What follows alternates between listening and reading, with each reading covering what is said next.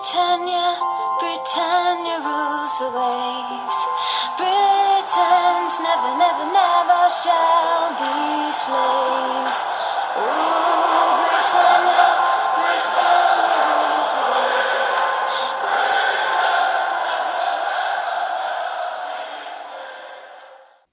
Hej och välkomna till avsnitt 220 utav Svenska FPL-podden. Det Gå mot slutet och vi står inför Double Game Week 36. Eh, vi spelar in tisdagen den 9 maj och agendan för dagens avsnitt är att vi som vanligt kikar in i våra byggen. Eh, kollar hur det har gått, hur tankarna går framåt. Jag tror att det är många som kommer ha en hel del svåra beslut kring hur man ska sätta i ordning bänken kontra startelva. Eh, det är ju en eh, väldigt liten Double Game Week 36 och kanske lite lurig också. Eh, därför ska vi under veckans punkter dels prata Newcastle-tillgångar, Brighton-tillgångar. Vi ska prata Europaspel och dess påverkan på Premier League. Och även ska vi prata lite för er som fortfarande sitter kvar med eh, något chip och när det bäst kan användas och våra tankar kring det. Vi kommer med uppdaterade rekommendationer, har en kaptensdiskussion inför 36an och eh, svarar på era lyssnarfrågor. Hur är läget med dig Fredrik? Ja, nej, men det har ju varit bättre. Eller, jag har ju varit på en en väldigt trevlig så här, kontorsverksamhetsutvecklingsresa i Lokabrunn. Men som du och ni som lyssnar hör så är ju rösten Ja, den är lite på väg att ge upp men vi hoppas att den, att den håller här. Jag har laddat med honungsvatten och vatten. Att, det- under kvällens inspelning i alla fall, så gott det bara går. Hur är det själv? Ja men det är bra, vi får verkligen hoppas att den håller. Eh, Stefan är inte med oss eh, idag eh, så att det är du och jag som, som kör här. Eh, Game Week 35 eh, nyligen avslutad och eh, jag tror det är inte jättemånga som sitter och liksom skryter med några så här jättepoäng den här veckan trots att det blev en hel del mål. Det blev 21 mål där under, under måndagen bara. Nej men det blev väl den här klippavsatsen vi pratade om, en liten mellanvecka sådär som, som eh, ja, många som gjorde mål som, som få har i, i sina byggen och så. Vi, vi eh, kanske behövde den lilla vilan eller vad man ska kalla det för efter den fullständiga smällkaramellen som var i, i, eh, e i 34 Sen hade jag kanske inte tänkt mig att ni hade stil kvar inför sista dagen, att han skulle släppa fem bollar och göra ett självmål. Eh, hade väl lite förhoppningar om att knapra några ytterligare poäng på dig snarare än att tappa tre. Men det, det är ju vad det är så att säga. Jag pratade med Stefan där under, eh, under måndag, vi åt åt lunch tillsammans så sa det så här, ja fan, är, den här eh, måndagen här, se vad den ger. Alltså, men jag sitter ju med två Brighton-mittfältare. eh, Så att det är viktigt att Brighton släpper in ett mål. Eh, Och sen så glömde jag bort lite grann att det, det var tidiga matcher. Det var ju Bank Holiday eh, i, i England.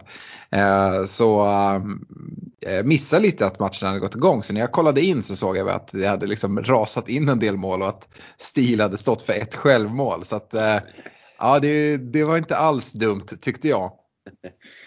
Nej, det, det är väl vad det är. Det, ska jag säga det också, jag vill ju kuppa in att jag i Game Week 34 var ju sjukt nära att sopa hem 157 pinnar. I sista minut, åttonde övertidsminuten av fem satt på 157 pinnar och sen så, så blir det straff till Brighton mot United och det var ju som att se det var ju som att se sin värsta fiende köra ut för en klippa i en segen Ferrari liksom. Ehm, I och med att United åkte på däng men jag tappade ju typ 14 pinnar på det också. Ja, men du hade inte tagit in något på mig tror jag. Nej. Eh, Jag hade ju också både Shaw och, och de Gea. Ja. Eh, och, och sådär. Eh, så att nej, det var, det var extra surt för mig som United-supporter att Ja, se det där hända. Och så nu dessutom Ehm, ja, att de spelar som de gör mot West Ham och, och, och torskar den matchen efter en fullständigt bedrövlig målvaktstavla men med ett riktigt dåligt spel och West Ham är eh, välförtjänta vinnare. Får vi se om det eh, den där fjärdeplatsen är ju inte klar på något sätt även om jag fortsatt håller oss som ganska eh, klara favoriter för att och, och ta Champions League-platsen. Ja, vi ska väl prata lite mer om spelschemat som är kvar och sådär men det, Ja. ja, det är ju intressant det som återstår av säsongen i väldigt många delar av tabellen. Ja, absolut.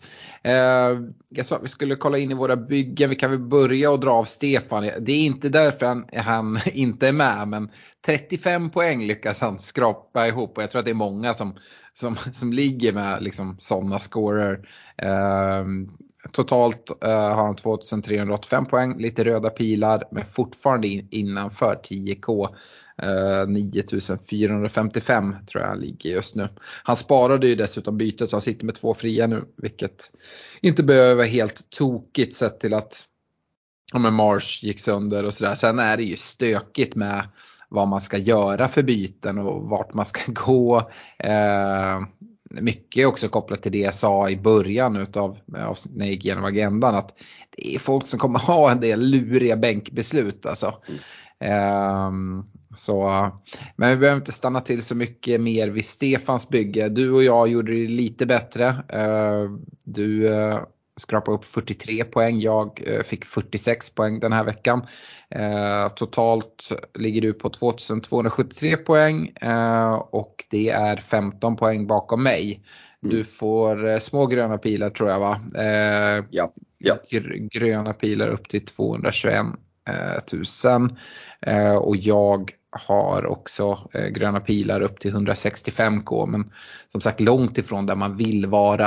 Eh, så. Så, är det ju, så är det ju. Det är ju bara att rikta om liksom lasersiktet och, och ställa in det på ett mer realistiskt mål. Ja, och det som egentligen skiljer att du får den omgång du får jämfört med Stefan eh, är ju att du träffar eh, van Dijks 11 poäng. Eh, och för egen del så är det att jag gör det här sista sekunden bytet från Grealish till Mares precis innan deadline tack vare rykten som kom. Och det hade jag egentligen bestämt mig för att, att göra om, det skulle, om jag skulle få besked kring det. Eh, och sen följer det in då med två ass på Mares och, och 10 poäng. Så um, jag hoppas ju uh, på en ny start uh, för Mares här mot Everton i, i Game Week 36. I och med att det är Champions League fotboll som spelas ikväll. Eh, semifinal borta mot Real och sen så är det Everton och sen så är det eh, Real hemma i Manchester. Så att, eh, och eh, Mares kommer ju inte starta eh, i Champions League. Eh, han gör inte det ikväll och jag tror inte han kommer göra det på hemmaplan heller. Så det borde finnas eh, stora förhoppningar till, till start mot Everton hoppas jag. Mm, mm. Ja, det är, Grealish får ju spela väldigt mycket när, när starkaste elvan ska ut så där sitter man ju lite snedlastad just nu alla vi som, som sitter kvar på Grealish helt klart. Ja, men han kan mycket väl få, få starta mot Everton. Nu fick han ju vilan här. Um, uh, så att det, det kan, behöver man inte räkna bort. Men uh, ja, som sagt, ja, ja, det, var, det var en pant jag tog.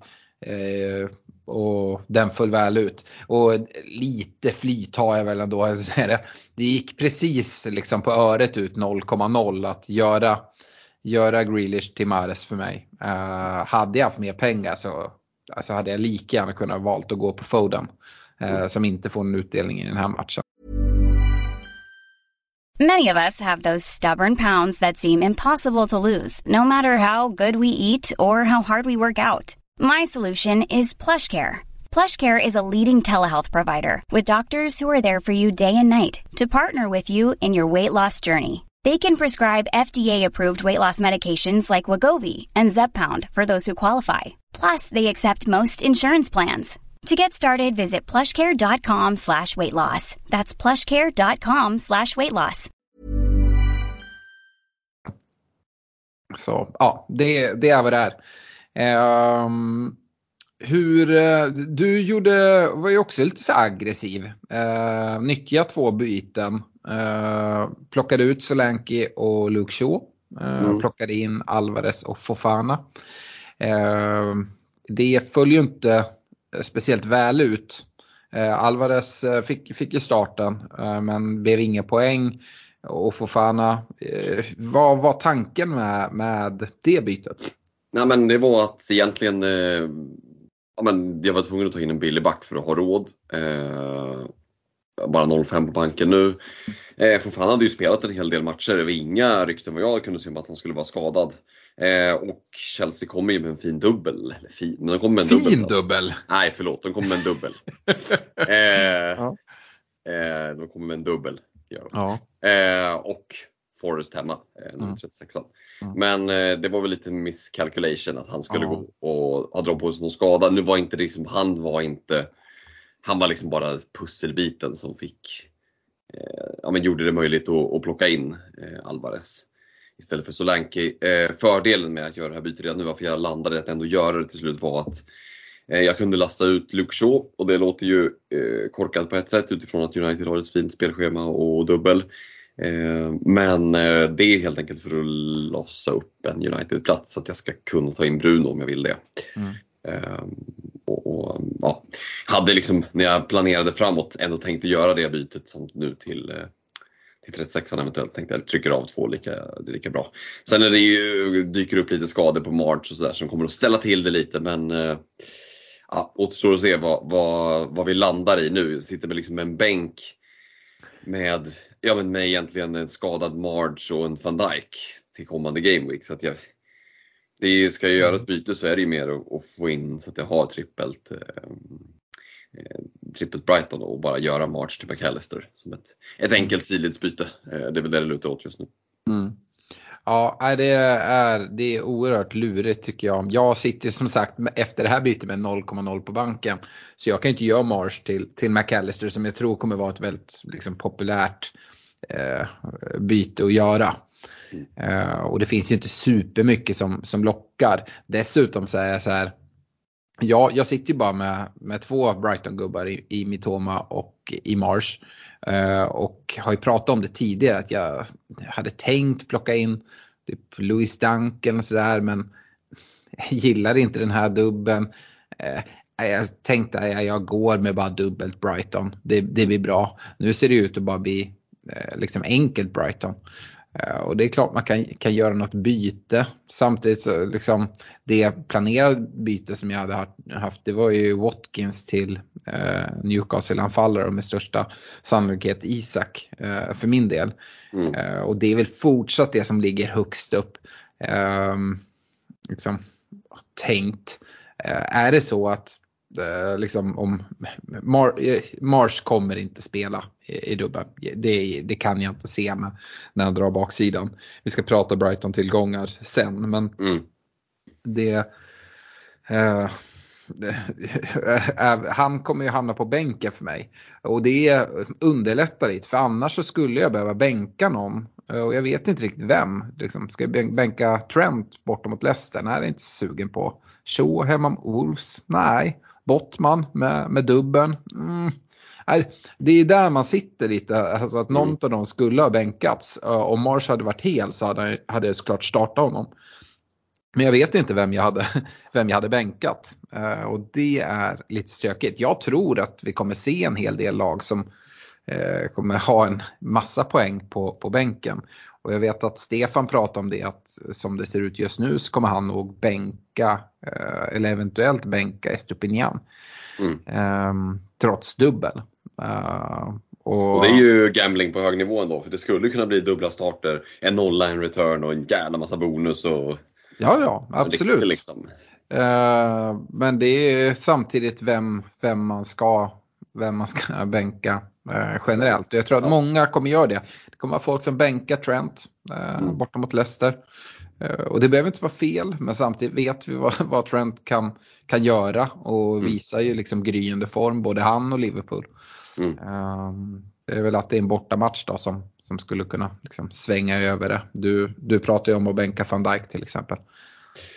Ja, landa, kommer förmodligen att landa där liksom, men, men det är ju som du säger, man är inte supersugen på att, att bänka dubbelspelare som inte är skadade. Det ska ju ändå mycket, alltså det, då är det en Estupinian där vi kanske ser en potentiell vila.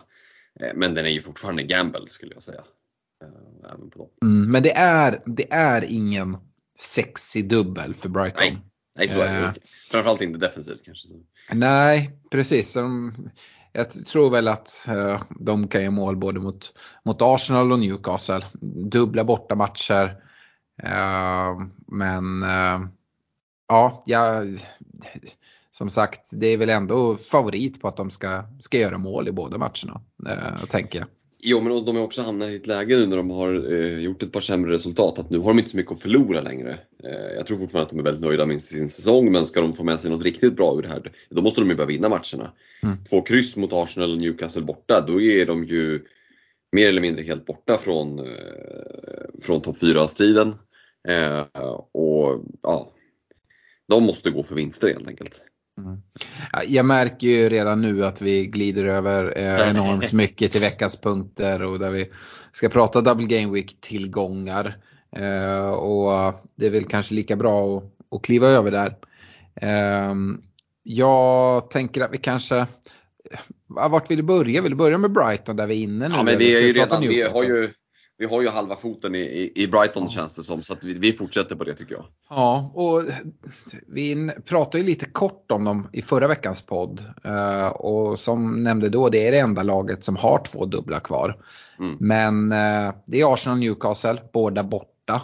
Uh, sen så kvarvarande schemat, det blir dubbla hemmamatcher sen i 37an mot Southampton och Manchester City. Och sen så är det Aston Villa borta i i sista omgången där i 38. Eh, ja, Brighton. Den, den stora eh, frågan är ju lite som jag tror många har sett på lyssnarfrågor också. Vad gör man eh, med, med Solly March?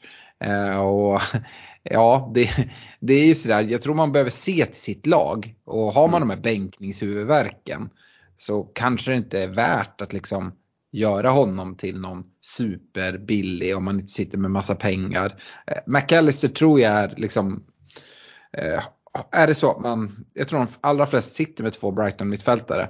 Om man inte sitter upptripplad på mittfältare så tror jag det vanliga är att gå till den Brighton-mittfältare man inte har. Och då, då pratar jag eh, Mitoma och McAllister. Mm. Eh, det finns ju även en Pascal Gross där. Eh, men eh, jag, jag skulle i första hand vilja gå till, till uh, Mitoma eller McAllister i så fall. Men uh, det krävs lite pengar, det har inte jag. Precis, och det ställer ju till det. För jag tycker att har man lite stålar på banken då, då är det ju ett hyfsat lätt byte att göra. Sen gör ju bara det att min huvudvärk vad det gäller vem jag ska sätta på bänken större. Men det är mm. ändå två, det är ändå två matcher på eh, på ett lag som är bra offensivt, som ligger högt upp i tabellen. Det, mm. Risken är nu att man börjar övertänka det för mycket. Så börjar vi prata minuspoäng, ja men då är det en annan sak. Det är få mm. många kvar. Där är vi inne på en, en, helt annan diskussion. Men har du liksom en bra trupp, du sitter på March Mitoma, sitter med någon halv miljon miljon på banken. Att bara göra March till McAllister och inte tänka så mycket mer, det kan också vara på förhand någonstans det, det vettigaste valet. Sen kan man gambla och komma ut med det på, på något bra sätt ändå. Men risken är att man övertänker och så, och så McAllister som har fått fina returns här ett par veckor i rad kanske bara fortsätter och han är i form. Då kommer man ju sitta och ångra sig. Ja. Eh, vår lyssnare Christian Olsson skickar in, är det bara att byta Mars till Mitoma nu? Det är väl ett jättebra byte skulle jag säga, om man har den möjligheten. Eh, Magnus Persson är inne på samma sak, ska man, men då för minuspoäng. Ska man ta minus 4 för Marsh till Mitoma? Han har redan McAllister. Jag tycker att det är stökigare då. Eh, mm. Men det beror ju på vad han har för bänk också. Eh, men eh, ja, vad säger du? jag, jag skulle säga att det är, det är ett alternativ. Eh, jag skulle titta lite på vad, vem blir liksom vem blir bytet som får eh, lösgöra pengar och vilken spelare tar du ut? Vilken spelare tar du in istället? Är det någon som du har i åtanke inför kommande dubbel eller är det bara någon som ska sitta längst ut på kvisten? Så att man får liksom eh, tänka ett steg längre här också för kanske väva in framförallt 37an. Eh, 38 är lite svår att säga om för det är ju en, en väldigt, väldigt speciell omgång. Men just väga in 37an i alla fall. Mm. Eh, och kan du då liksom rättfärdiga att ja men den här minus 4 gör att jag inför 37an sitter bättre på det så här. Då får jag in den här dubbelspelen. Men då kan vi börja tycka att det ändå finns ett case för de här minus 4. Men är det så att nej men jag har ingen nytta av det till 37an. Då är det lite mer tveksamt tycker jag. Mm. Eh, Fredrik, om du skulle sitta med ett free hit och, och så, vilka Brighton-tillgångar hade letats in i ditt bygge då? Ja du, Nej men alltså eh, Mitoma McAllister såklart givna. Eh, man är ju såklart mer sugen på att ändå liksom gå på någon form av anfallare. Ja, inte Pascal Gross, alltså. Alltså jag, jag tror att jag hade nöjt mig med två. Ja, det kanske är så. Jag vet inte, inte ett free hit. Nu hade jag inte spelat free hit den här omgången ändå, Nej. men bara liksom så brasklappen. Men Mm. jag hade nog kunnat tänkt mig att kanske gambla med en Danny Welbeck. Ja. Eh, eh, 6,5 i- ganska billig anfallare. Kommer ju förmodligen i alla fall att få en start. Eh, och kanske starta ett inhopp, i bästa fall två starter. Eh, så att, ja, det är antingen två, två mittfältare eller att jag hade gamblat med, med en Welbeck också. Det finns ju väldigt många fina alternativ den här, den här veckan skulle jag säga. Mm. Jag tror att i ett sånt läge så skulle man nog inte våga gå utan Haaland. Eh, och sen så som sagt det är många som pratar liksom uppdubbling på Newcastle-anfallare. Mm. Eh, det skulle jag nog vilja gå på före en Welbeck till exempel. Mm. Det, det är lite stökigt det där. Jag, jag tror faktiskt att jag hade nöjt mig med två Brighton-tillgångar. Ehm, och den här dubben, jag tycker den är oerhört osexig. Det kan vara, eh, tillsammans med Manchester City borta, så är liksom Newcastle och Arsenal borta eh, ruggiga matcher. Mm. Ehm, och eh, även om man tänker då att liksom, ja, men de har en dubbel sen 37 om vi inte tänker att det är en free hit utan man gör byten. Ja men då är den ena matchen mot City. Eh, den andra mot Southampton absolut men säg att du har oflytt med rotation. Vi har sett det Serbi är inte rädd för att rotera. Nej. Ehm, och eh, den kan komma där.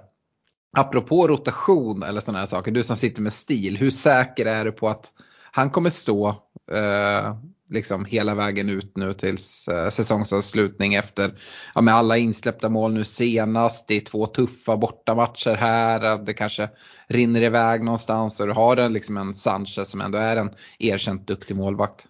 Ja men för egen del så, så, så är jag inte så orolig. Eh, och det handlar inte om att jag är säker på att Stil kommer att stå de fem sista matcherna utan det är för att jag har det på bänken. Ja. Eh, så först, får, liksom, får jag autosubba in honom, Wolves hemma och en dubbel. Eh, sådär, så det känns ändå helt okej. För den som sitter med Stil och vad kan man säga, Ward kvar, som, som ju är petad numera. Då hade jag nog varit såklart lite mer orolig. Jag tror någonstans ändå att Stil, det ska väl ändå mycket till för att en match liksom. Det var ju inte bara han som, som sjabblade bort det där, det var ju en kollektiv jävla kollaps. Inte i klass med Millwall men ändå liksom eh, riktigt illa. Och jag kan ju också känna att, eh, du pratade om ett free hit förut. Nu ska man möta Arsenal och Newcastle. Någonting kommer ju De Serbi att göra. De kommer ju att ställa om på något sätt. Eh, det är ett väldigt bra lag, Brighton. Det är lätt att glömma bort nu att vad kom, alltså, det, det känns ju inte så just nu men eh, finns det en möjlighet att de kan hitta tillbaka, skruva lite på det? Ja, jag, menar, alltså, jag kommer ju ändå starta stil. Eh, jag som sitter med honom. Eh, och Arsenal borta, Newcastle borta. Tror jag på några nollor? Nej, det kan jag inte säga att jag gör. Men om vi, om vi försöker undvika självmål så borde det ändå kunna bli en del räddningspoäng. Och då Ja. borde det kunna, liksom, då borde det kunna bli en 6 poäng. Eh, Men det, det är ju den stora fördelen med stil kontra Mm. Dunk eller Estupinian. De får Mm. inga räddningspoäng och jag Nej, ser inga precis. nollor. Eh, så där får man liksom förlita sig på offensiv utdelning då. Därför kan jag liksom lite förstå Stefans tanke att nej, kanske så att Estupinian inte tar sig in i en startelva för att man har så pass riktigt bra lag och liksom bra spelare med singelmatcher som man hellre spelar. Mm. Och samtidigt är han ju ett offensivt hot. Och, Mm. Ja, jag vet inte. Det, det, för mig känns det ändå risky. Det är ändå en dubbel, det är två matcher på sig. Alltså bara blanks och någon extra pinne för ja, nu. Liksom. Vi har varit med om det här förut där vi räknar att, ja, ja, men, att man får i alla fall minst två poäng. Men Ja. på försvarare och målvakter så springer det iväg som det gör sist, då är det ju minuspoäng. Ja men så är det. Så är det. Eh, det ska man ju såklart ha med sig. Eh, nej men det kanske gör ändå att man håller stil lite före för där har du ju ändå räddningspoängen så man borde ha väldigt goda chanser att kunna plocka i, båda matcherna. Ja, så är det. Eh, finns det något mer att säga om, om Brighton? Det finns såklart jättemycket. Men eh, jag tänker om vi ska gå över till Newcastle annars. Mm, ja men absolut, Brighton en oerhört ett spännande lag, en spännande stad som man ju väldigt gärna skulle besöka. Men nej, vi tar oss vidare upp till Newcastle som ju också mm. det är en stad man gärna skulle åka till, eller hur? ja, det hade man gärna gjort, kolla lite fotboll. Det är lite bucket list för mig, ja. St. James's Park. Uh, Newcastle då, deras dubbel gillar jag betydligt mer än Brightons. Dels för att de har en hemmamatch mot, mot just Brighton. Eh, men sen även bortamatchen mot, mot Leeds avskräcker inte.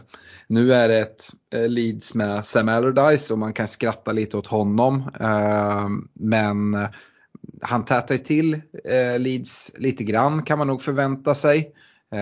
Och jag hade hellre liksom gått på Newcastle-offensiven med, med tidigare tränare än med Sam Allardyce ändå kopplat till FPL. Men ja, jag lägger inte allt för mycket vikt vid det. Eh, att de torskar med ett mål mot City det är mer ett freak-resultat eh, om man ser till matchbild och lägen som, som ändå finns i matchen. Eh, om, om jag ställer ja. frågan till dig då, i ett free hit, vilka tre Newcastle-spelare skulle du välja där? Mm, Eh, jag eh, är ganska säker på att jag hade gått den tråkiga vägen och tagit Trippier. Mm. Sen så är det stökigt men jag hade lockats av Pope. Ehm, eh, före att gå på liksom stil eller sådär. Eh, skulle vilja ha en double game week målvakt. Mm. Sen finns det, jag tycker det finns flera intressanta spelare. Eh, eftersom att Newcastle spelar tidiga matchen eh, nu på lördag så finns det stora chanser att vi får, får läckt startelva. Eh, och där är ju det mest intressanta skulle jag säga just forwardsidan. Är det så att Isak och Wilson startar tillsammans igen eller är det bara en av dem som startar och vem är det i så fall? Det är ju Leeds-matchen som är första så det är där vi liksom kan få, få rykten. Och är det så att en utav dem vilas i, eh, i matchen mot Leeds, ja men då går man ju på den andra. Mm. Eh, om båda startar, och då är det en smaksak. Wilson kommer i så fall starta som nia och Isak ute på, på vänsterkanten. är min gissning. ingen vet väl riktigt vem det är som går före på straffar om båda är på plan.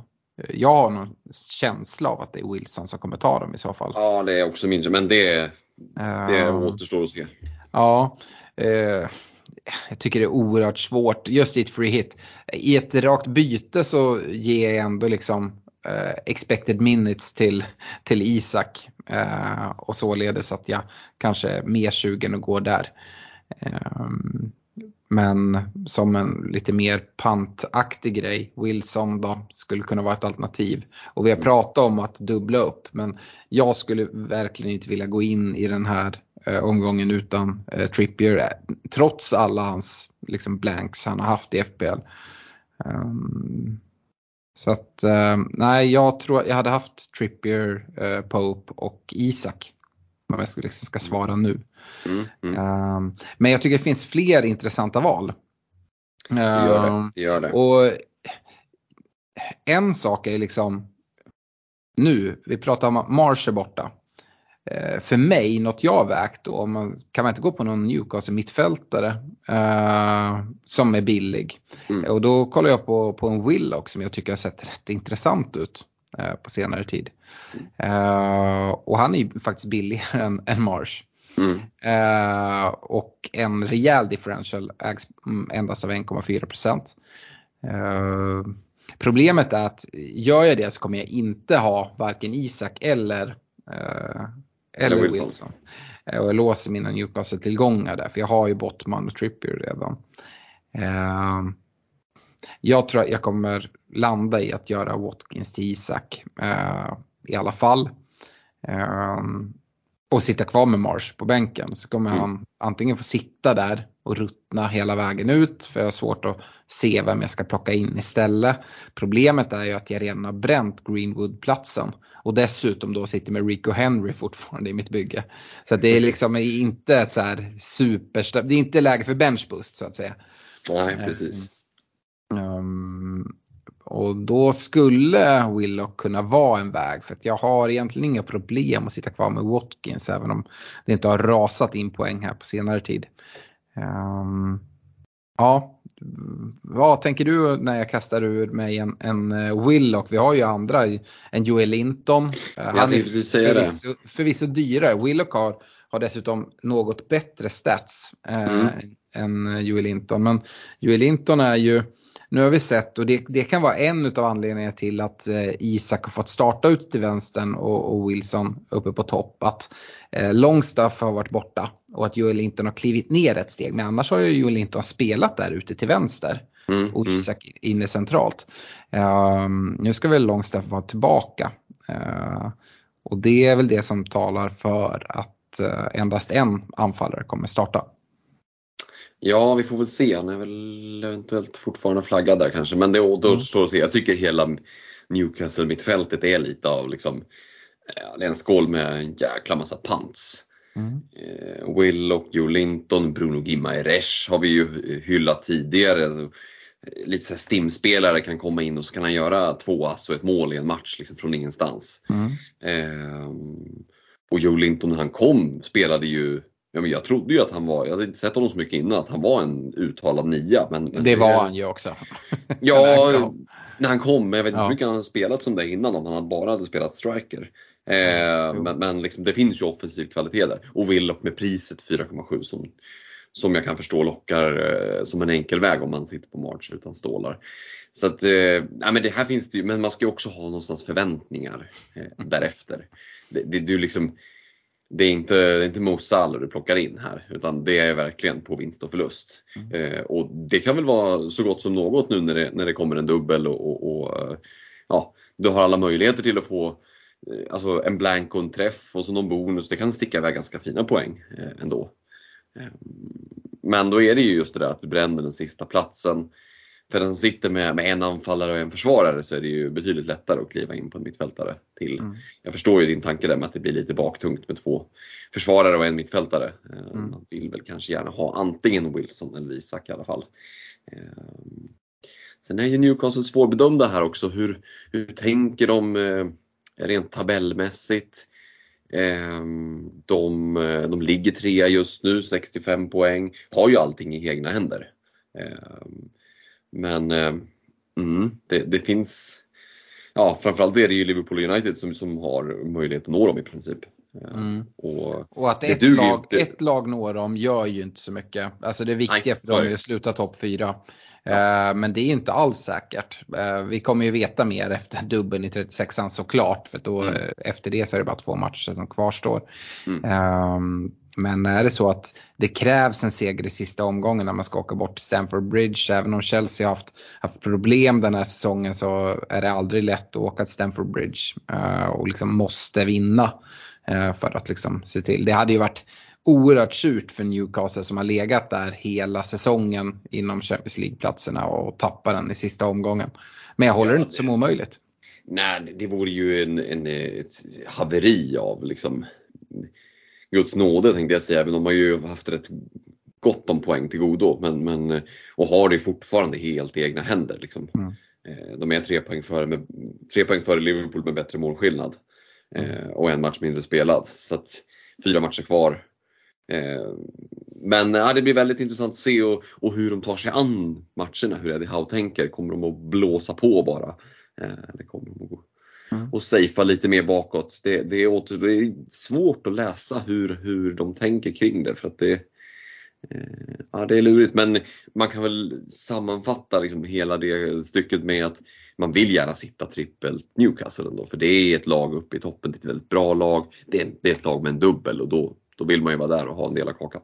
Och som sagt, det är en mycket bättre dubbel än vad Brighton har. De möter ju mm. varandra. Men Newcastle mm. möter Brighton hemma på St. James' Park där de är ja väldigt starka. Eh, dessutom kan man ju skjuta in, de har ingen dubbel i 37 som, som eh, Brighton har. Men då ska Brighton som sagt möta City i en av matcherna. Sen mm. har ju, kollar man Newcastles singelmatch i 37, den är också hemma på St. James så det är mot Leicester. Ja. Eh, ett Leicester som man ändå vill tro kommer kämpa för sina liv förvisso. Men jag ser inte nollan på Leicester uh, i Game Week 37. Det, det gör jag inte. Utan eh, Newcastle kommer göra mål. Mm. Uh, det håller jag absolut som favorit. Mm. Och um, Och de är favoriter i den matchen dessutom. Så att eh, ja, jag, jag, är inte he, jag är inte helt liksom stängt tanken med att göra Marsh till, till Willock ändå. Eh, och gå in i, eh, i det här utan både Isak och, och Wilson. Mm. Det är, är fortsatt möjligt.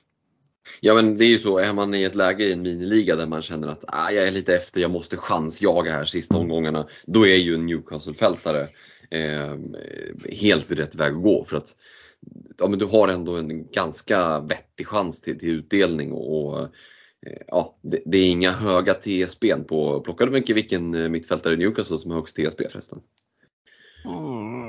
jag tänker med... Eh, gamla, all... gamla synder. Ja. ja. jag tänker med liksom alla döda lag som inte spelar så måste det vara Almiron ändå. Mm, och den är ändå nere på 12,4. Mm. Eh, men efter det, då får vi gå ner till Jacob Murphy som, som har 3,5. Och St. Maximan på 3, Joe Linton 2,8, Gimaresh 2,8, Willock 1,4. Ja. Plockar du de här poängen då täljer du med guld. Liksom. Du täljer ju guld i så fall. Men det jag bettar emot det är, för det går inte att kolla på Isaks eh, TSB eller Wilsons TSB för de kommer gå upp rejält till den här mm. omgången. Mm. Dessutom kommer många bindlar sitta där. Ja. Eh, och det är väl nästa problem. Om jag nu inte plockar in eh, Isak eller Wilson, vem bindlar jag? Mm. Om jag fortfarande vill stanna i Newcastle då. Eh, hade det varit i början av säsongen så hade jag liksom med glädje satt den på Trippier. Eh, just nu känns den ju lite svårare men den är fortfarande fullt rimlig. Vi ska ha en kaptensdiskussion. Eh, är det så att jag sätter den på min superdifferential i EO Willock? Ja, alltså det är också möjligt. Men det kan ju bli en, ep en episk bindel, en Willock-bindel. Ja, ja, men det, det är som du säger, man ska ha rimliga förväntningar. Jag vet mm. inte om det är att ha rimliga förväntningar att sätta binden på, på Joe Willock. uh, det, det vet jag inte. Sen så som sagt, vi ska ha en kaptensdiskussion, men det går ju att sätta binden på en singelspelare också. Uh, så ja, uh, lite stökigt tycker jag men jag, jag vill flagga upp Joe Willock uh, lite extra. Du säger att det finns flera mittfältare. Jag håller nog Willock, Willock som, som den bästa och dessutom billigaste. och även om man inte har problem med pengar nu så är det rätt fint att till Game Week 38 kunna ha lite pengar och leka med och göra någon eh, riktigt eh, kul satsning på egentligen mm. vilka spelare man vill och kan man då ja, spara någon miljon här eller där så uh, kan det vara till nytta. Absolut.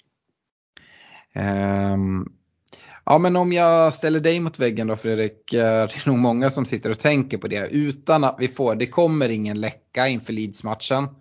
Um, om man bara ska ha en, Isak eller Wilson? Eh, då väljer jag Isak eftersom att du är svensk eller lite så som jag tänker kopplat till att det är troligare att han får mer eh, minuter framåt. Ja, ja nej, men han är ju mer liksom eh, kompatibel att spela på fler positioner och det gör ju att det är lättare. Det är inte så att om Wilson spelar så spelar inte han. Eh, utan då kan han vara ute till vänster och vi ser att det, det kommer poäng därifrån också. Och han, eh, han borde inte vara sliten efter en lång säsong utan han eh, borde vara riktigt taggad liksom på, på att lira. Så att jag tror att han kommer få många minuter eh, och han känns i form. Så att, mm. eh, Isak känns, eh, känns given då. Du sitter igen med trippelt Newcastle va? Mm, Botman, Trippier, Isak. Ja, så för din del kommer det inte hålla på att switchas runt någonting nej, här gissar jag? Nej, nej det, det känns eh, att övertänka det. Sitter man på, på trippelt Newcastle då får man liksom nog spela den hand man har fått. Eh, utan det är ju mer om man, som du sitter på två och kan välja lite var man vill kliva in som, som alternativen finns. Mm.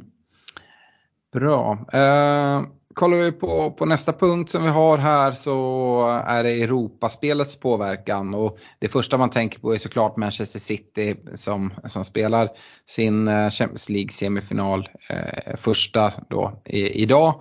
Men eh, även West Ham är ju kvar i, i Conference League och är framme i semifinal och ska möta AZ Alkmaar här eh, hemma nu på torsdag.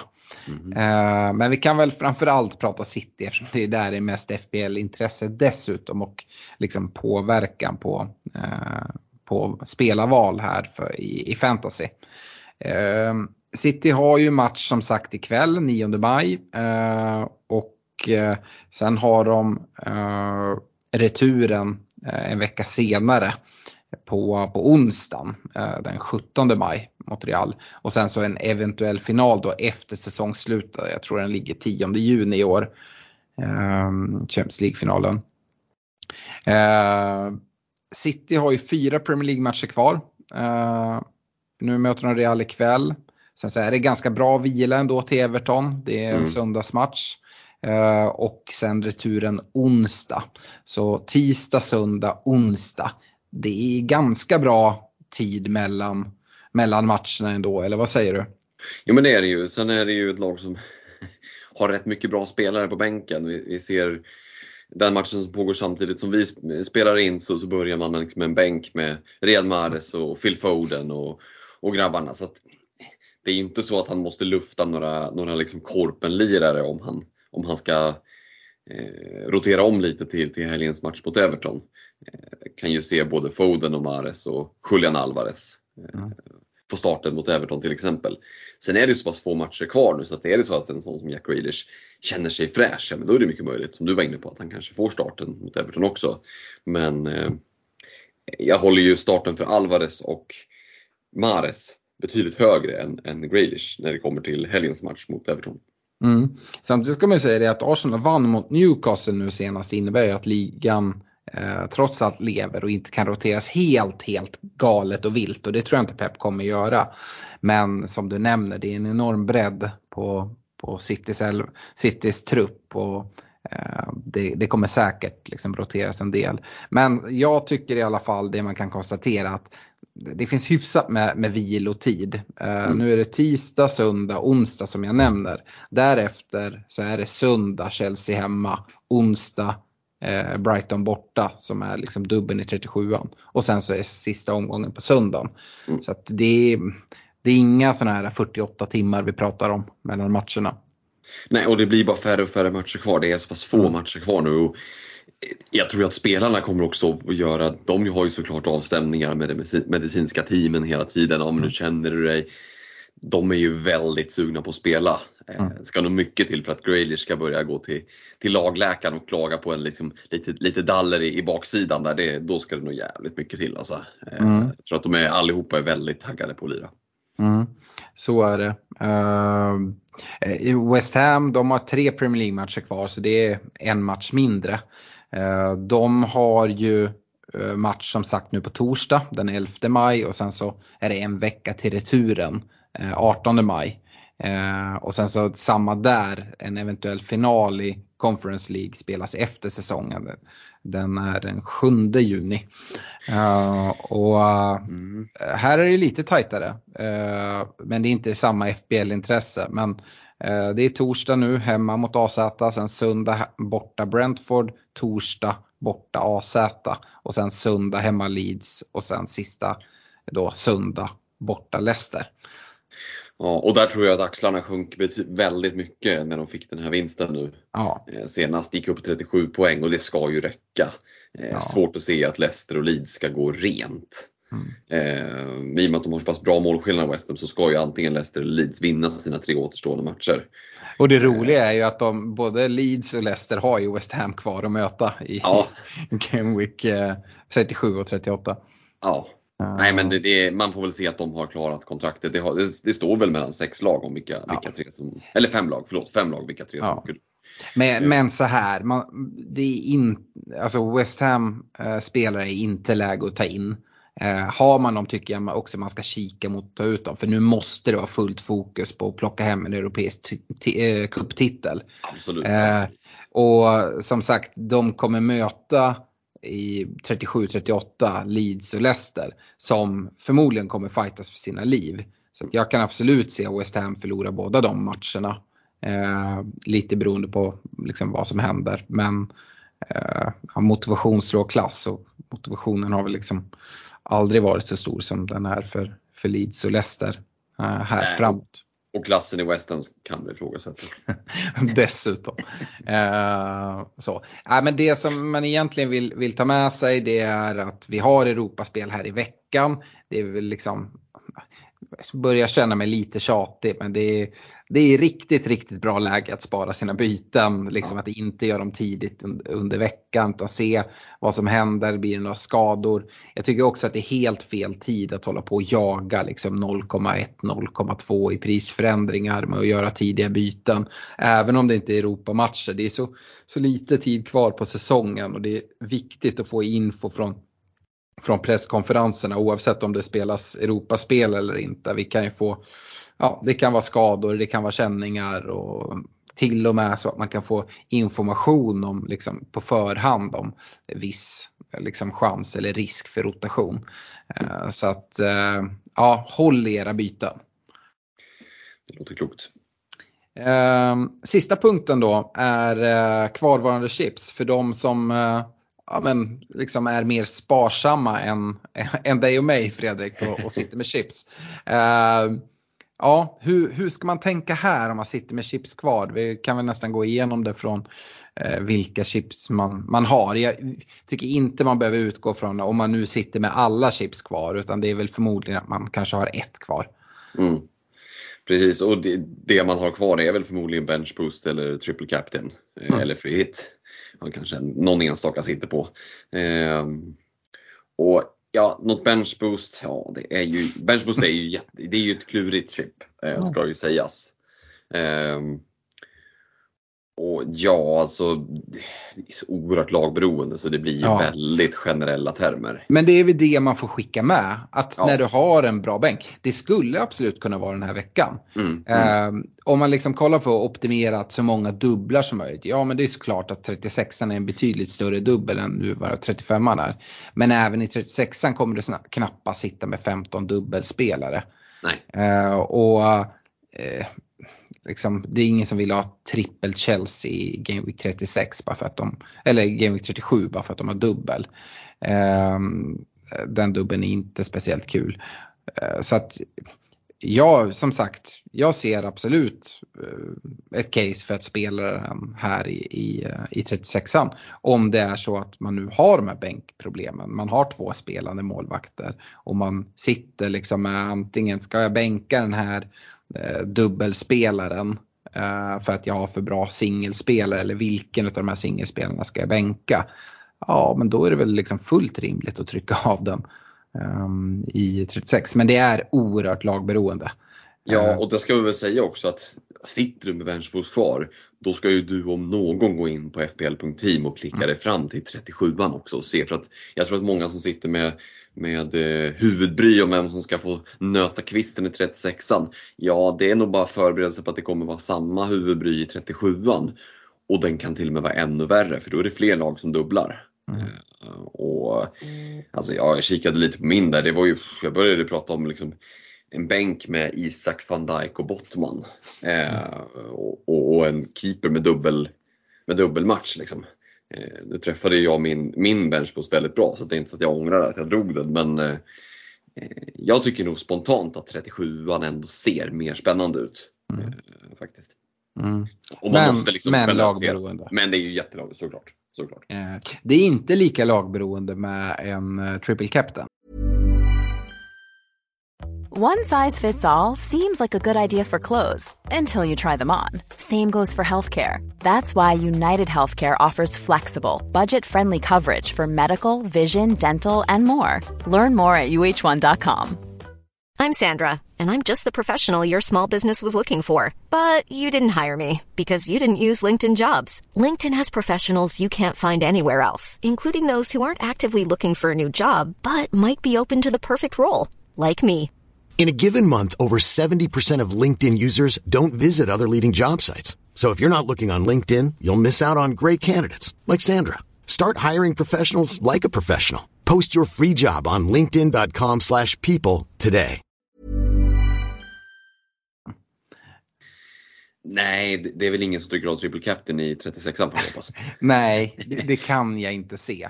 Uh, utan det är ju ett chip för, för 37an och dubben där. Ja. Eh, vi har pratat om att 38 brukar liksom kunna vara liksom high scoring game week. Men eh, i 37 så har vi liksom ändå alternativ att, eh, att sätta den på, på en citygubbe med dubbel. Mm. Mm. Hemma Chelsea, borta Brighton. Ja, ingen kanondubbel men Håland är Håland. Ja. Och ja, det är väl liksom ena shoutet, det andra skulle ju absolut kunna vara eh, att vända sig mot United. Eh, som har Bournemouth borta, Chelsea hemma. Mm. Men jag, jag känner mig tryggare med att sätta på Håland eh, än någon United-spelare. Men eh, eh, ja, jag vet inte. Men 37an hade jag i alla fall eh, liksom kollat på triple captain om, om jag hade haft det kvar. ja, definitivt. Eh, och sen är det free hit. Och det är också, det är också lagberoende. Eh, Det är tråkigt att säga men det måste man liksom se till vad man har för lag. Eh, Jag hade nog jag har svårt att se att man inte har ett liksom, hyfsat lag för, för Game Week 37, dubbeln där Mm. i alla fall. Eh, Så jag hade lockats, men det beror på hur bra lag man har i 37an. För att kan man få, ut, få in de bästa dubbelspelarna i 37 så kanske det kan vara värt det. Men jag hade lockats oerhört mycket. Att förstå vad kul att kunna sitta med free hit i 38 Där man vet liksom alla startelvor eh, mer eller mindre. Eh, Och man vet vilka lag som har något att spela för och man kan ta galna pads. Nu kommer vi sitta där liksom med ett eller två fria byten. Man vill inte ta minus i, i 38 eh, så att man liksom har en eller två pants man kan göra. Här kan man ju gå helt galet. Ja, verkligen. Eh, he- helt inne på den linjen också utifrån att jag tror att det är få som är liksom initierade managers som följer med, har, har hängt med och som har byggt ett lag som man inte... Alltså, förutsatt att du inte sitter och bara gråter floder över ditt lag Mm. så har jag svårt att se att du tar en jävligt stark 11 i Double Game Week 37. Och du är inne på att ja, det är klart det går att optimera den ännu mer men det- utfallet vet man ju aldrig. Alltså, skillnaden på chippet tror jag kommer vara mycket större i 38. Mm. Eh, och, och har du väntat så här länge, då hade jag lätt väntat 38. Alltså. Mm. Man ser ju direkt, jag, liksom, jag tror att det är många som kommer gå mot Arsenal-spelare i Game Week 38 men det är att man kanske får in en eller max två. Mm. Hemma mot Wolves. Det kan vara så att liksom de fortfarande har möjlighet att, att eh, vinna ligan men förmodligen är det i så fall beroende av Brentford. Eh, Det tror jag inte man kan räkna allt för mycket med men oavsett tror jag liksom jag gillar lag som har hemmamatch i Game Week 38. Eh, Arsenal har gjort en väldigt fin säsong oavsett hur det här kommer sluta. Och liksom en sista liksom avskedsföreställning för den här säsongen inför sina hemmafans mot ett fullständigt utcheckat Wolves. Eh, Det kan bli ja. slakt. Ja, det kan bli, Ja. sex, det kan bli 6-1 eller 7-1 eller Ja, det alltså. kan jag verkligen se. Och, eh, även om det inte är en hemmamatch, nu får vi se. Är det så att Leeds redan har åkt ut, de har ju hemmaplan. Men folk kommer ha svårt att ta sig till, eh, till liksom dyra Spurs-spelare som, som Mm. Kane till exempel. Eh, nu går jag emot mig själv för det är en bortamatch och Spurs kommer förmo- förmodligen inte ha jättemycket att spela för. Men eh, eh, alltså det är också en sån här spelare som jag tror folk kommer ha svårt att kunna ta sig till. Um, och ja, det finns, eh, det finns roliga grejer att göra här. Mm. Ska vi nämna någonting om wildcard? Är det någon som sitter kvar på det eller har man dragit av det tror du? Har man wildcard kvar så är det ju typ som free hit nu. Eh, skulle jag säga. Man skulle kunna spara det till 38 och an- Mm. använda det som ett free hit. Ja. Alternativt om man nu sitter dåligt på det så kan man, kan man kliva in med eh, liksom bästa, ja men och nyttja det så fort som möjligt om det är så att man tycker att man sitter riktigt uselt på det. Eh, eller att man sitter dåligt på det till dubbeln i 37 så kan man ju såklart dra det då också. Eh, Det är ganska tacksamt att dra Ja. ett wild, äh, wildcard nu och, och bygga för både 36 37 så. Ja. Eh, men det, ja, det beror också på hur, hur man sitter. Jag tror inte att det är jättemånga som har sitt andra wildcard kvar dessutom. Nej. Ehm, bra. Um, det var veckans punkter. Uh, jag tänkte att vi ska rikta ett stort tack till våra partners uh, i Olka Sportresor, nakata.se, unisportstore.se, Superclub, Netshirt och Glenn Sportsbar. Och apropå Glenn Sportsbar uh, eh, så har ju de sin uh, liga tillsammans med oss, Glenn-ligan. Och april månad är nu avslutad. Vi, Eh, kan konstatera vinnare där. Eh, även i vår poddliga tävlar vi ut ett eh, superklubb till varje månadsvinnare. Och i poddligan för april så plockar Kristoffer Wern hem allting med sitt lag Supervern. 582 poäng. Snyggt jobbat där Kristoffer. Hör av dig så skickar vi ett superklubb till dig. Ehm, Glenligan i april så tävlade vi om en resa för vinnaren plus en kompis till London och West Ham va? Mm, precis, stämmer. Eh, Robin Martinsson skrapade ihop 576 poäng, eh, vilket räcker hela vägen till London. Eh, Burrito Brothers heter laget. Så ja, stort grattis till dig där Robin. Och vi går ju även in med ett sista månadspris här för maj månad. Vi, eh, ja, vi tävlar ju ut ett superclub som vanligt men mm. i Glenligan så är det en resa till Liverpool för att se Everton. Så får man väl se om det är i Championship eller Premier League.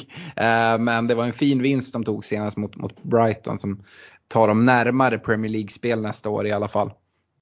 Precis, det, det återstår att se. Vi ska väl nämna där också med Glenligan att Eh, vi har inte pratat jättemycket om de som ligger i toppen overall, men eh, Dominik Strandqvist med sitt lag Il Professore ligger ju faktiskt overall rank 100 i världen just nu.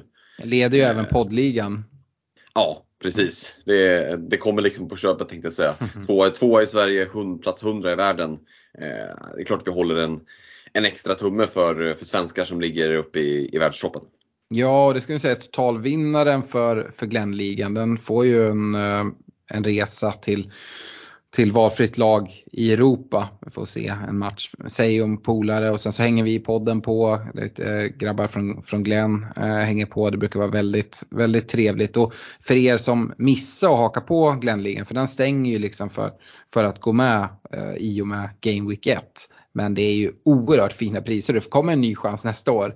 Eh, totalvinnaren får ju det här fina priset. Det, vi har tävlat ut resor eh, i varje månad den här säsongen till England för, för vinnare plus, plus en vän. Det är flygboende matchbiljetter som, som ingår då. Eh, utöver det så är det eh, pris till liksom total segraren så är det topp 8 som, som vinner pris. Eh, de, vi har en årets Game Week som du var rätt nära där Fredrik tror jag. Ja, jag var en, en minut ifrån. ja, när, när Shaw tog, tog ja, bollen med handen. Eh, så just nu har vi en som leder den som är den bästa Game Weeken. Där, där vinner man 7500 kronor hos Elgiganten. Och, ja, det är liksom priser att vinna varje, varje Game Week varje månad. Och liksom, eh, alltså att Glenligan vill man inte missa att vara med i. Nej, och vi ska ju nämna det också att vi pumpar in en jäkla massa pengar till Barncancerfonden eh, mm. som en gemensam styrka. Skickade vi över 80 000 eh, mm. den här säsongen. Eh, klapp på axeln till alla, eh, alla oss som är med i Glenligan som ja, men visar på att eh, fotbollsfans, det är inte bara huliganer och bråk och slagsmål utan det kan, eh, eh när man liksom går ihop och går samman så kan det bli någonting jäkligt bra och någonting som vi är så sjukt stolta över också. Verkligen. Eh, och eh, innan vi går vidare till, till rekarna så eh, ska vi även nämna eh, våra, våra Patreons och rikta ett stort tack till alla er som, som stöttar oss där via patreon.com svenska FPL. Eh, stötta oss med 25, 35 eller 50 kronor i månaden, var med om massa utlottningar. Vi har eh, en del tävlingar, vi har eh, en speciell liga för Patreons, den som vinner Patreon Eh, ligan får eh, bland, bland annat en, eh, en resa med på nästa års poddresa och sådana saker. Vi har i Patreon-kuppen också tävlat ut svenska FBL-podden Merge till de som slår ut oss i podden och vi är väl alla utslagna nu tror jag. Jajamän. Så ja, trevligt community och tillgång till Messenger-tråd. Så att, där är man eh, välkommen in och stötta och stort tack till alla er som, som gör det. Precis och tillägget är att jag tycker att det är så lite kvar av säsongen. Jo men vi kommer pausa debiteringen över sommaren och sen vill du vara med på tåget i uppsnacket inför, inför nästa säsong. Mm. Eh, så det kan vi verkligen rekommendera. Att, eh, det är inte så att, jag är väldigt svårt att se att Messenger-tråden kommer att dö under sommaren. Det, det, kommer att snackas en hel del där också. Absolut. Eh, vi ska gå vidare till rekar och på försvarssidan börjar vi väl. Eh, Mm. Vad vad har du letat fram för försvarare här Fredrik? Jag tycker det är jättesvårt på försvarssidan eh, utifrån att ja, men, Dels så är det ju liksom rena, rena Hawaii-fotbollen. Vi såg, var det, 21 mål här senaste, sista dagen. Eh, det, det är verkligen svängdörrar och klurigt. Liksom, nu med Brightons dåliga form så vill man ju kanske inte heller kliva in för mycket där. Jag har landat i, i eh, att eh, Trent är kvar sedan förra veckan. Tycker fortfarande att han ser fin ut, liksom, hotar ju jättemycket framåt. Eh, och Stones är kvar. Fick ju den där vilan, ja både han och Diaz fick ju vilan. Det var ju lite komiskt. Eh, så, nu är det så pass få matcher kvar. Jag tycker ändå att han, det finns ett värde i och de har en, en dubbel kvar. Eh, jag tycker någonstans ändå att det, det finns eh, en poäng i att hålla kvar Stones. Eh, och sen så blir det ju lite motsägelsefullt när jag själv förra gameweeken bytte ut Luke Shaw. Men det är lite sådär det är brist på annat, det är väl elakt att säga för att jag tycker ändå att de har ett fint schema United. Och det gör att Luke Shaw får göra Stones och Trent sällskap i backrekarna. Inga sexiga, spännande, roliga rekar men jag tycker att det är jättesvårt att hitta dem i backlinjen. Så all ears för att höra om du har hittat roliga namn i backlinjen. Nej, det blir inte så sexigt alls. Uh, ja, precis som du med Trent här. Uh, Liverpool har inga dubbla kvar men jag tycker uh, fortsatt att schemat ser bra ut och Trent ser väldigt fin ut. istället för Stones så håll, håller ju jag Diaz i handen och det fortsätter jag göra göra. Eh, tycker eh, hans speltid är mer säker och eh, även om han fick vilan nu sist så tror jag fortsatt framåt här att Stones skulle kunna få eh, en vila till. Jag ser inte det på Diaz. Jag ser dessutom risken på Stones att om City leder stort att Stones skulle kunna säkras upp och bytas ut i halvtid. Det tror jag inte eh, Diaz löper den risken. Eh, jag har valt att plocka bort Dunk från den här reken för att jag, jag gillar som sagt inte Brightons dubbel här och nej, han har fått ryka och istället har jag plockat in Fabian Kär Eh, som jag tycker är om man eh, Det är en del som sitter med två fria byten eh, och eh, har liksom lite så här, ja men jag har ingen riktigt, jag behöver byta. Säg att du sitter med McAllister och Mitoma så att du har inte Marsh heller. Och liksom, jag vill inte bränna ett byte. Så har du upptripplingen i, i Newcastle där många har Bottman. Eh, då hade jag gärna gjort Bottman till Kär. Liksom väldigt så här, sidledsbyte. Men det hade jag kunnat tänka mig att göra. Ehm, annars skulle jag säga så här att har man två fria byten eh, eller har man ett fritt byte och man tycker att man har ett bra lag. Ja, men spar bytet. Alltså, det kommer vara guld värt att kunna sitta med två fria i, till Game Week 38 eller om man vill nyttja dem till 37ans dubbel. Men just till 38 är fint att ha, ha dubbla och kunna ja, men, panta lite grann där. Mm, verkligen. Um, yes. På, på mittfältet så eh, har jag, nämnde jag förra veckan, Bruno Fernandes, eh, Kevin De Bruyne och Riyad Mahrez. Och eh, ja men Mahrez gick jag själv på, eh, låg ägarandel, fick ju utdelning direkt. Eh, jag har gjort så här, jag bara för att liksom nämna nya namn så har jag faktiskt strykit två. Eh, och jag har strykit eh, eh, Kevin De Bruyne och Mares. Eh, men det skulle kunna, alltså, jag tycker fortsatt att liksom panta på City-gubbar är, är jättebra. Och eh, Kevin De Bruyne är fortsatt liksom som sagt en perfekt jaga-gubbe i och med hans höga poängtak. Mm. Men eh, jag har valt att behålla Bruno Fernandes och sen så att jag tar bort dem är mer för att jag vill nämna två andra namn. Och ett har jag redan pratat med ganska varm om och det är Joe Willock. En ägarandel på 1,4% och eh, Newcastle, rätt fin dubbel nu, fin match i 37an. Billig spelare som gör att du kommer ha mer pengar och svänga, svänga dig runt med till, till Game Week 38 också då man förmodligen bänkar Willock. Um, så att uh, ja, Joe Willock letar sig in. Uh, nästa namn är lite så här som jag tror att du aldrig skulle liksom kunna plocka. Uh, men jag har vänt mig till Nottingham Forest. och Morgan Gibbs White. Gibbs White ja, du ser. Mm. kostar 5,5.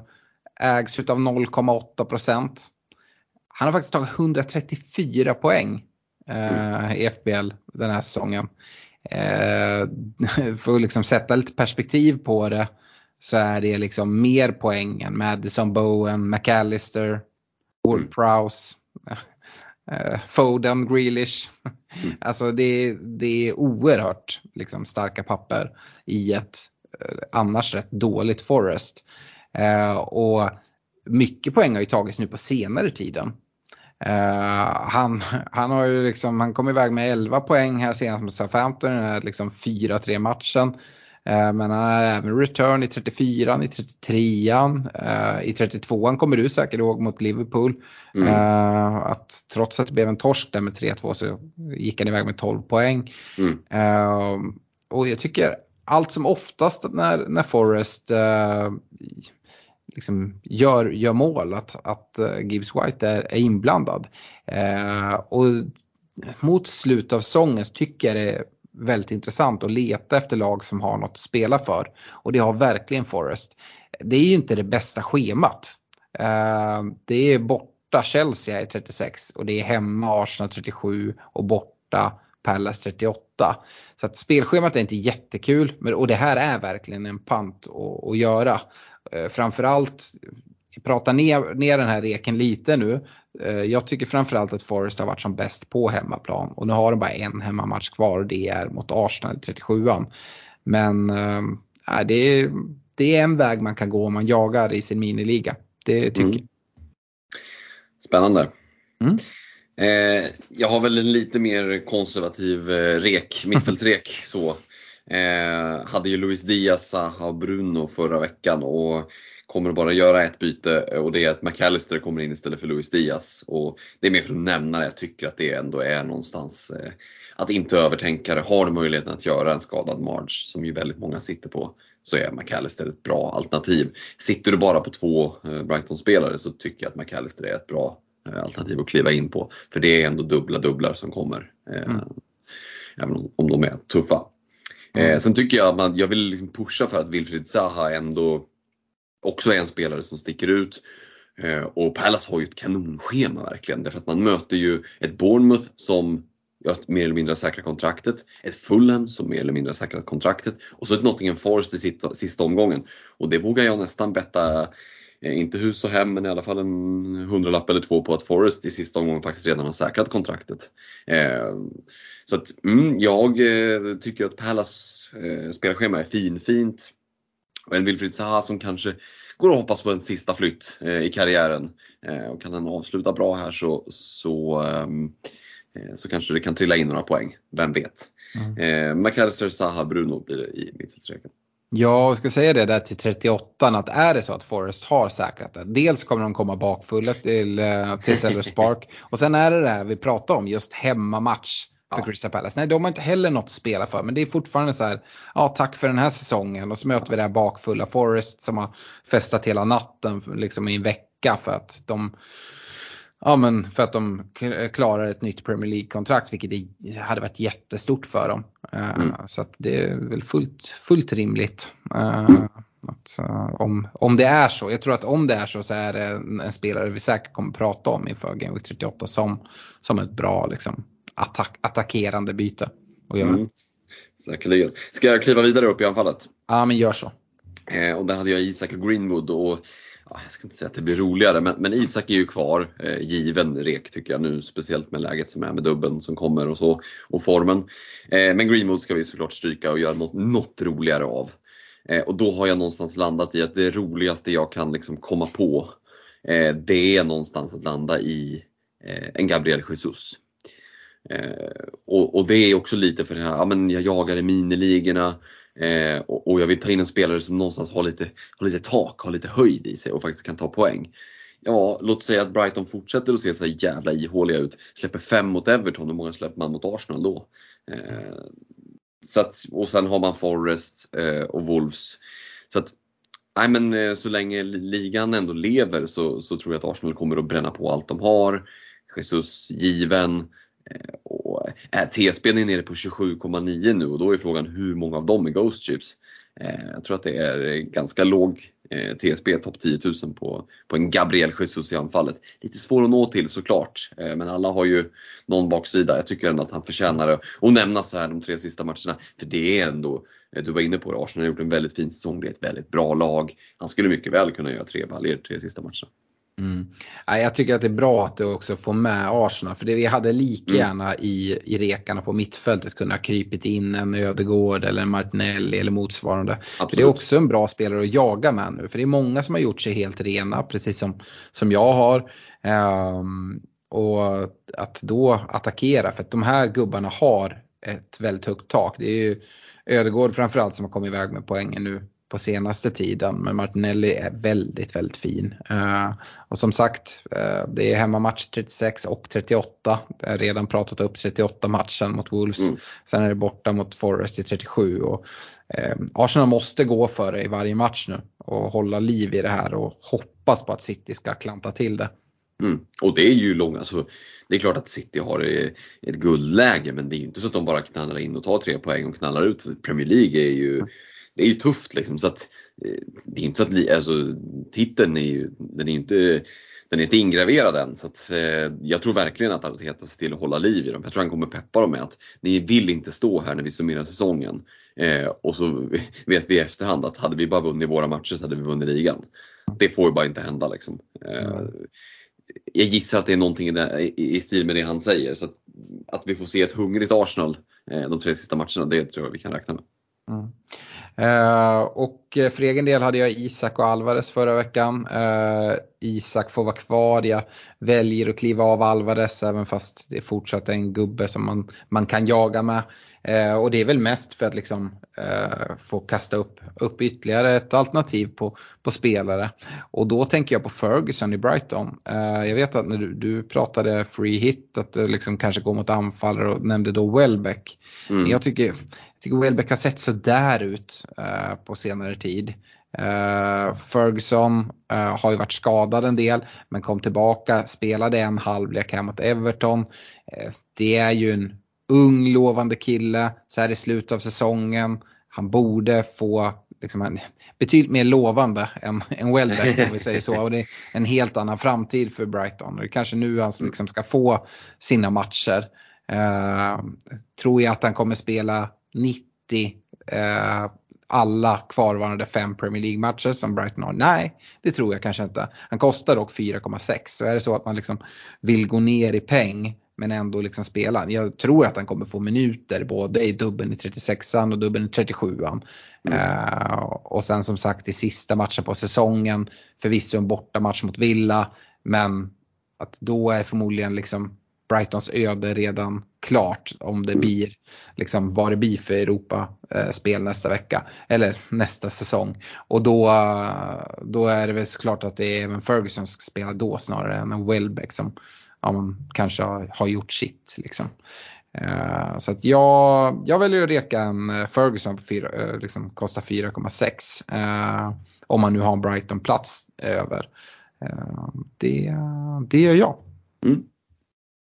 Eh, då ska vi ha kaptenssektionen. Eh, Double Game Week 36 och vi har lördags deadline 12.00. Leeds Newcastle sparkar igång 13.30 och som sagt jag tror att det kommer vara lite som, kanske inte riktigt så eh, som det var förra, förra, förra gameweeken men jag tror många kommer vänta på liksom team news och få Newcastles 11. Mm. Eh, och vi förväntar väl oss få den sådär 10 minuter innan. Eh, men det kommer vara många, nu hängde det sig inte eh, senast, skulle dock kunna göra nu så sätt i ordning era busslag. Men det är ju det här om Wilson eller Isak startar. Eh, och där kommer ju många kolla på, på Bindel, eh, mm. tror jag, på den Newcastle-anfallare man har. Jag nämnde ju det att om jag går på, på en Willock och inte plockar in en anfallare, hur gör man då? Jag tycker tycker, det här är ju kanske kontroversiellt, men jag tycker att Trippier är ett alternativ. Uh, är, lever jag liksom på så gamla meriter här tycker du Fredrik? Senast han fick en return var i Game Week 29 när han tog 14 poäng. Det var ju en dubbel, men det var ju framförallt liksom första matchen mot United och han tog 12 poäng. Eh, annars har det varit ganska klent med, med poäng, både sett till nollor och offensiv utdelning. Eh, nej, men jag tycker inte det är eh, en knäpp tanke. Det är en fin dubbel. Eh, man har Leeds borta, Brighton hemma. Låt säga att man håller två nollor. Då är det ju då är det poäng som är värda väldigt mycket. Trippier har ju en väldigt hög TSB eh, i, i aktiva lag men eh, Bra bonusgubbe. Ja men precis, och hamnar en bindel där då blir ju hans poäng helt plötsligt värda väldigt mycket mer. Mm. Eh, Så det är väl en rolig differential. Jag håller ju Isak och, och Wilson före. Mm. Men alltså både Haaland och Salah har ju ganska okej bortamatcher. Eh, Mm. Och, och eh, hade inget annat, hade varken Brighton eller, eller Newcastle haft någon eh, eh, någon dubbel så hade det väl förmodligen varit Salah och Haaland som många hade vänt sig till eh, Mm. gissningsvis. Men nu är det den här dubben och ja, det är lite olika hur man tycker. En del tycker att nej, men fan, det, det är överskattat bara det är två matcher. Men jag vet inte, jag tycker ju ändå att det är, räcker att det kommer en return där och någon nolla där så tycker jag det sticker iväg ganska snabbt med poäng. Eh, och speciellt då med Leeds borta första matchen. Låt säga Trippier får en ass som håller nolla. Det är ju liksom ingen, det är ju, då har du inte vunnit på Eurojackpot direkt utan det, det är ju inte osannolikt. Ja, vad skulle det vara då? Det är 6 och så bonuspoäng 4. Sitter med 12 poäng efter Leeds borta och sen så Brighton jag tar hemma det. kvar. ja, men alltså det, det är ju eh, eh, Jag ser ju liksom den hända likväl som att Salah Fyra poäng. Fyra poäng på Trippier är inte heller helt osannolikt. Nej det är det ju inte. Men eh, som ett alternativ till, till eh, Isak Wilson, absolut. Mm. Eh, och sen, sen nämner du ju eh, Haaland och, och Salah. Eh, Mm. Om vi väntar lite med dem och liksom fortsätter kolla på dubbelspelare och går över till, till Brighton. Det är ju en tuff, eh, tuff dubbel med, med dubbla bortamatcher. Men jag ser ju, jag skulle säga att det är favorit att Brighton gör mål i båda matcherna. Mm. Eh, håller du med mig kring det?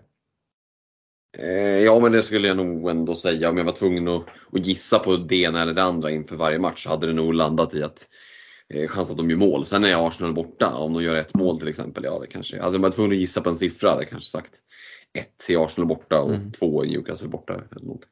Mm, ja. Eh, det svåra är ju att sätta vem man ska sätta vinner på. Det är ju någon offensiv gubbe det blir väl Mit- Ja. Mitoma eller McAllister eh, gissar jag. Ja. Eh, Mitoma har ju en väldigt fin offensiv roll och kommer ju fram och Mm. är med och skapar. Och alltså, det som kallas för the eye test, alltså när man sitter och kollar på matchen så är ju Mitoma en helt underbar gubbe att sitta på för han är ju inblandad i allt och är ju framme i straffområdet.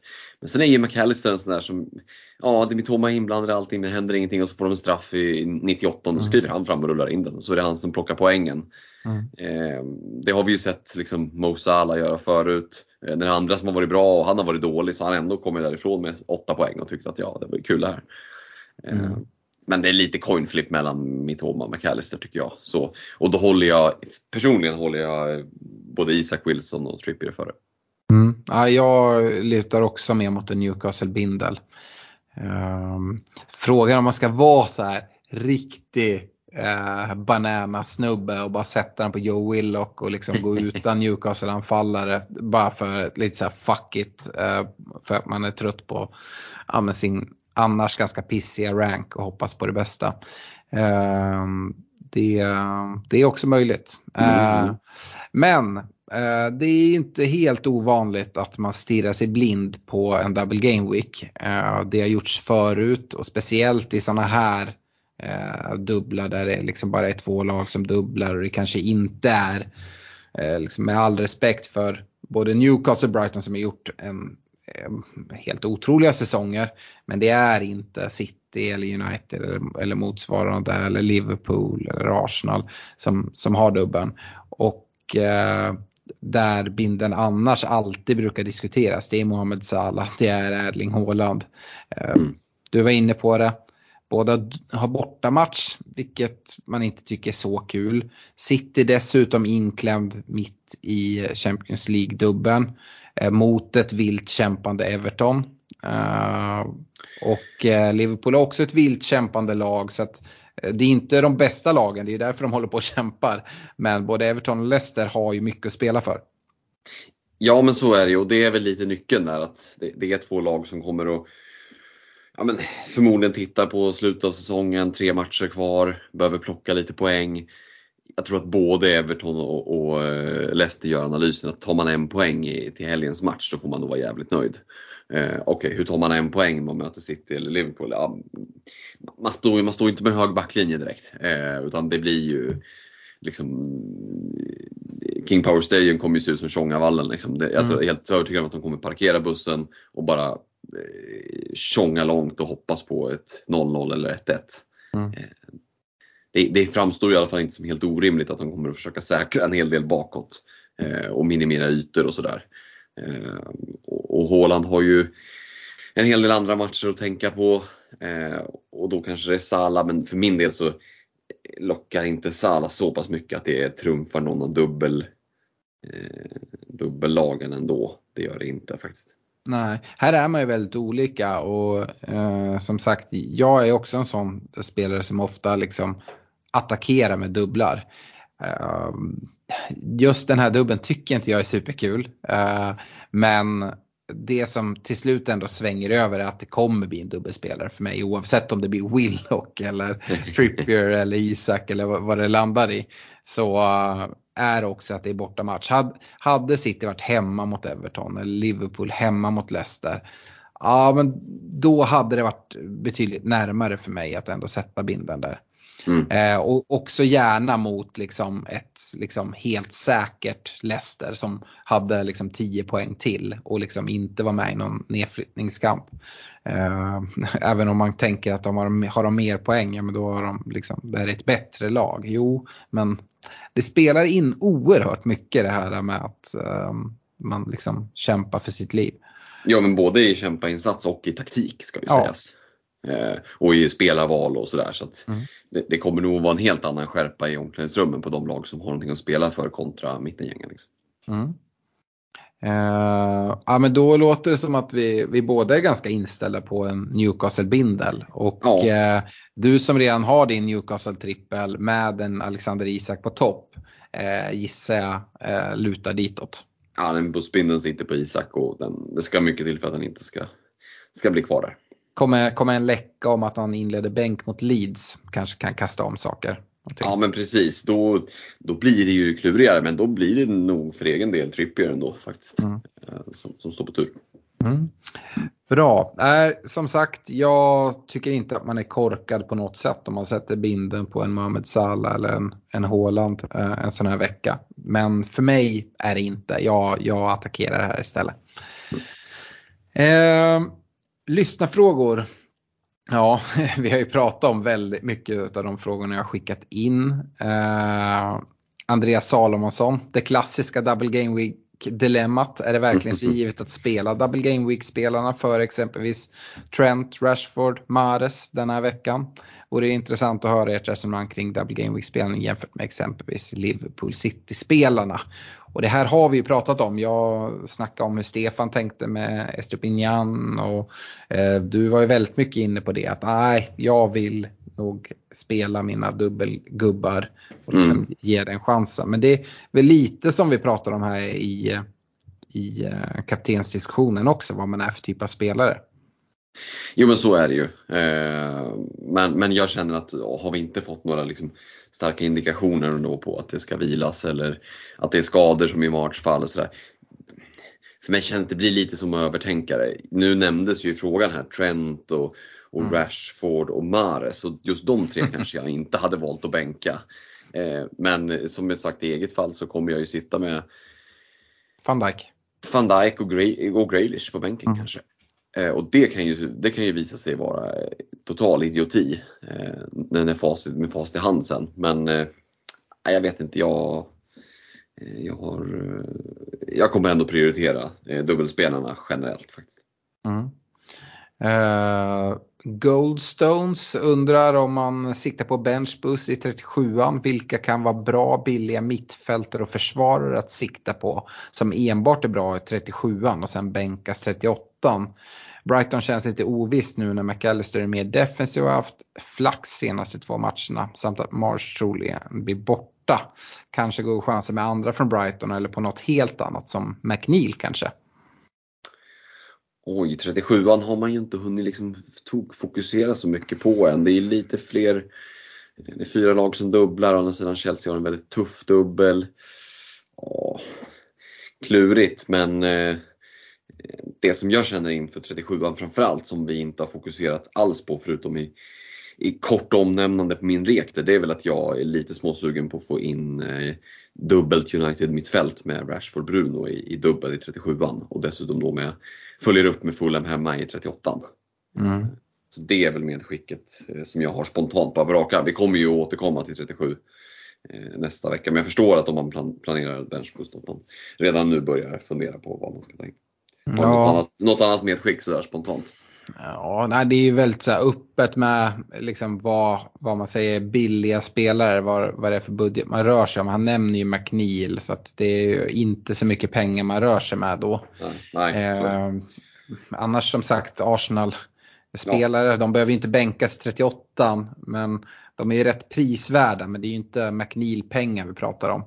Eh, ja, och jag tycker den här oron han har kring McAllister är lite obefogad. Visst, det har varit flytmål kanske framförallt när han liksom får bollen i huvudet utan att veta om det.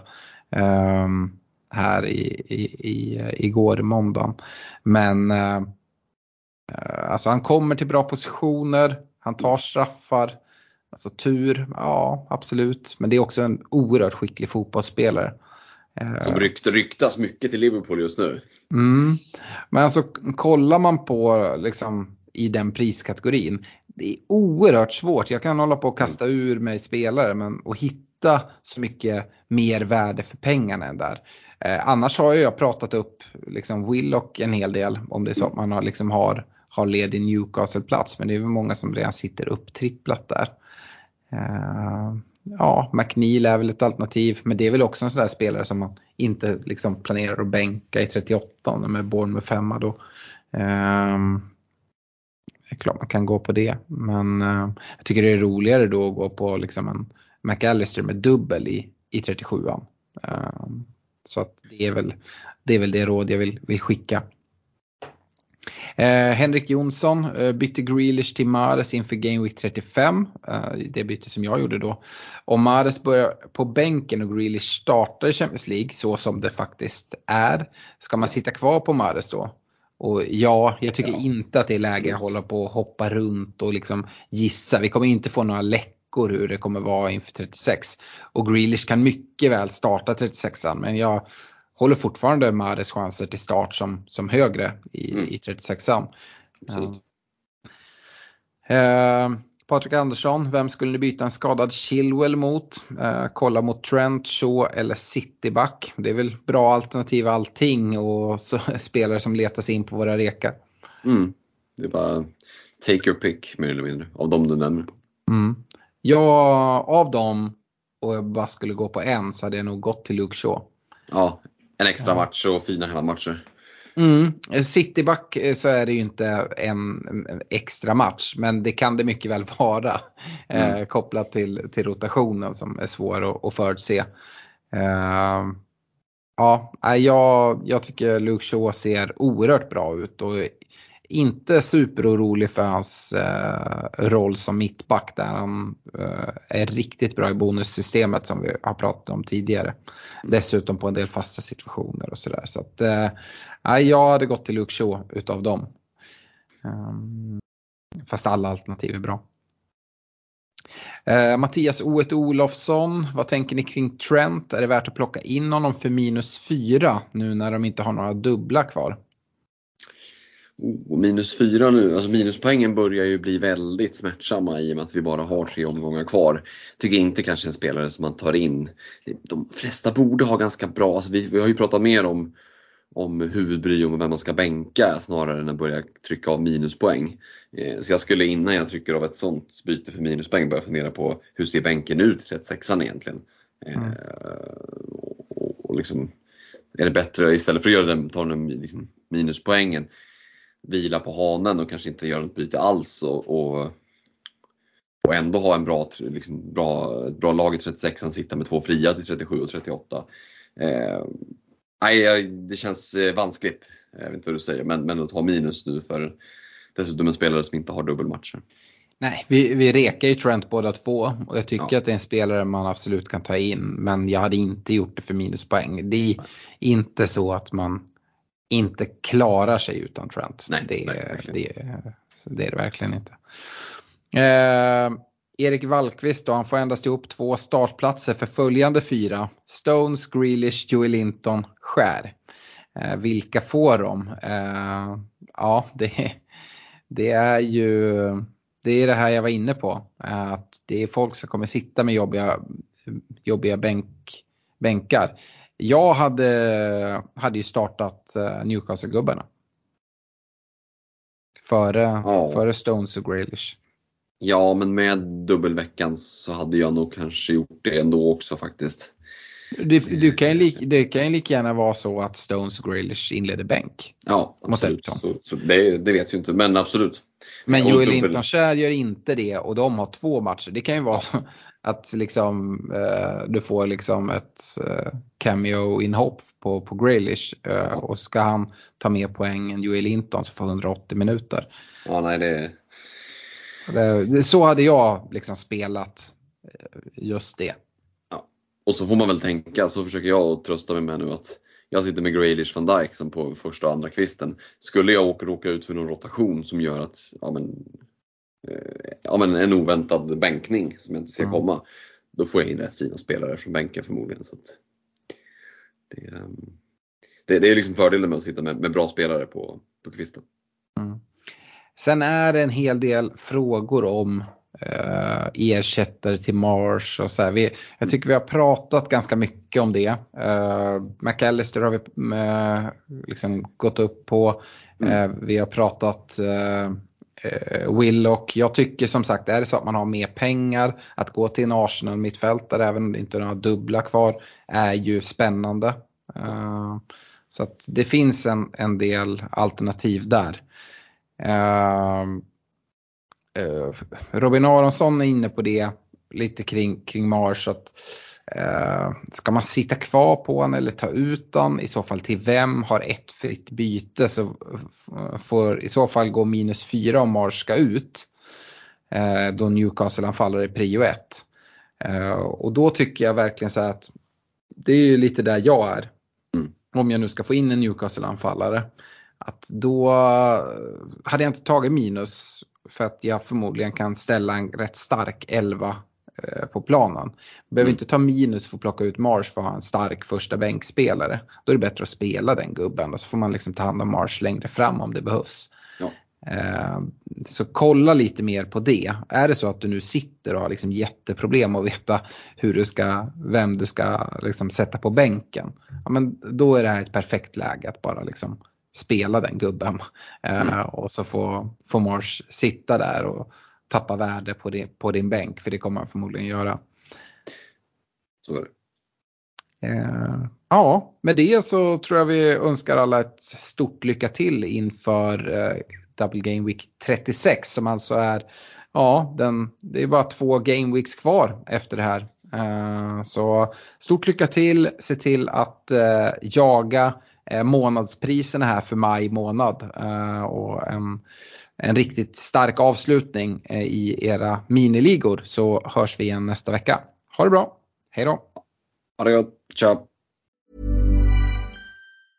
Mom deserves the best, and there's no better place to shop for Mother's Day than Whole Foods Market. They're your destination for unbeatable savings, from premium gifts to show-stopping flowers and irresistible desserts. Start by saving 33% with Prime on all body care and candles. Then get a 15-stem bunch of tulips for just $9.99 each with Prime. Round out Mom's menu with festive rosé, irresistible berry chantilly cake, and more special treats. Come celebrate Mother's Day at Whole Foods Market.